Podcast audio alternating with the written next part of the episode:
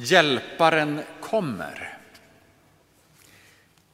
Man kan fråga, är det något bevänt med en Gud om han inte förmår hjälpa? Hjälparen kommer. Men så säger Jesus direkt därpå, den tid kommer då den som dödar er tror sig bära fram ett offer åt Gud. Jag har sagt detta för att ni när den tiden kommer ska minnas att jag har sagt det. På vilket sätt har den som har blivit dödad för sin tros skull blivit hjälpt av hjälparen som Jesus sänder? Vi möter alla problem och utmaningar i livet, i vardagens situationer. Och jag vet inte hur det är med er, men ni kanske som jag kastar ut små böner till Gud ibland, liksom i förbigående. Och att få hjälp av Gud i livets små stunder, i vardagens situationer, det kan få vara en källa till tacksamhet. Och låt det vara då just det, en källa till tacksamhet. Och träna dig gärna själv i att upptäcka alla anledningar till tacksamhet. Men lyssna noga nu. Det i sig utgör ingen grund för att bygga teologi. Eller det ensamt utgör ingen grund för en tro som bär genom livet. Det är i sig ingen grund för dig att bygga din relation till Gud. För en tro på Gud, det är en livsrelation till honom. Och byggd på sådana grunder som på de små hjälparna i de livets vardagssituationer den tron vänds till besvikelse och bitterhet den dag du upplever att hjälpen inte längre kommer som du skulle vilja. Och att människor vänder Gud ryggen på grund av en sådan besvikelse, det är inte konstigare än att vänner blir ovänner eller att äkta makar går skilda vägar. Och det kanske man gör på grund av besvikelsen som följer av felriktade förväntningar eller att man slutar vårda relationen. Eller man kanske gör det på grund av avsaknad av förtrolighet och närhet. Och vet ni, samma mekanismer gäller för den som lämnar en relation till Gud. Och i vilken mån är det då fortfarande relevant att tala om att Gud hjälper på ett sätt som bär inte bara genom vardagens utmaningar som ju verkligen inte ska förringas. Missförstå mig inte. Men en tro som bär också när livet går genom dödsskuggans mörkaste dalgångar. Som du nog också kommer att möta i livet om du inte redan har gjort när Jesus talar till lärjungarna här om att han ska sända hjälparen, vilken hjälp är det då som kan förväntas av den helige Ande, hjälparen?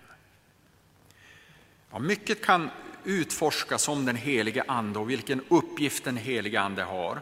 Vi ska idag bara kort stanna upp inför det som Paulus skriver till oss i dagens episteltext från Romarbrevet.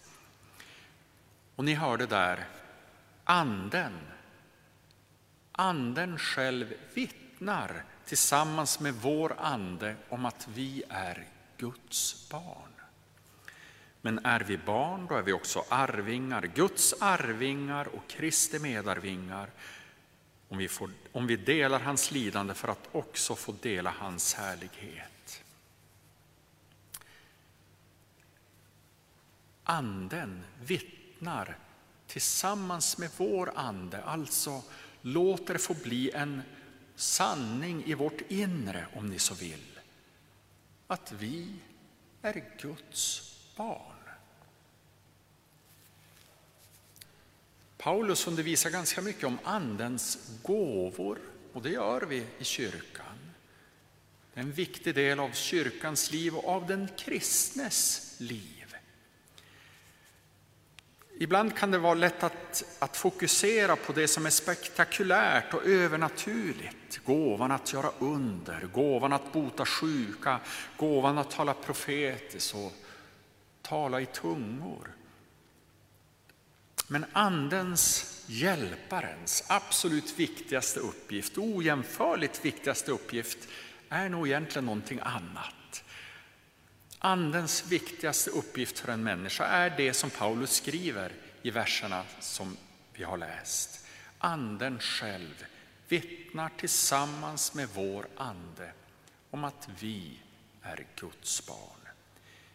Ingen annan av Andens gåvor är ett under som detta.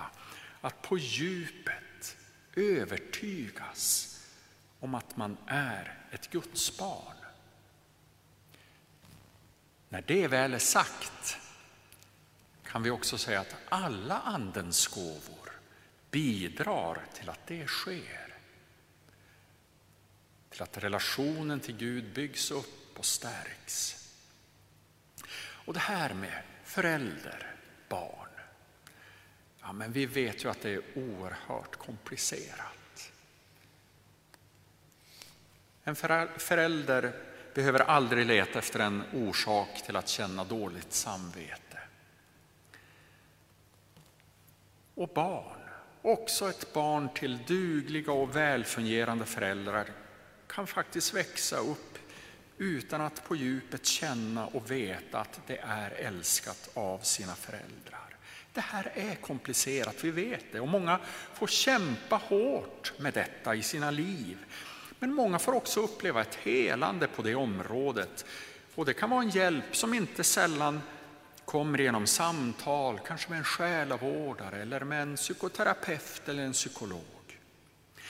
Och samma mekanismer som påverkar relationen mellan föräldrar och barn finns också med i formandet av relationen till Gud, vår himmelske far.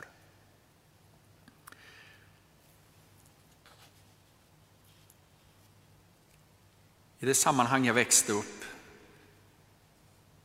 i det kristna sammanhang jag växte upp, så var det ganska vanligt att få höra de här orden. Gud älskar dig. Och för många kristna är detta en upplevd verklighet och sant att också få säga så. Ja, Gud älskar mig. Men för ungefär lika många så blir det inte en upplevd verklighet oavsett hur många gånger man får höra orden Gud älskar dig eller hur ofta man upprepar för sig själv Gud älskar mig.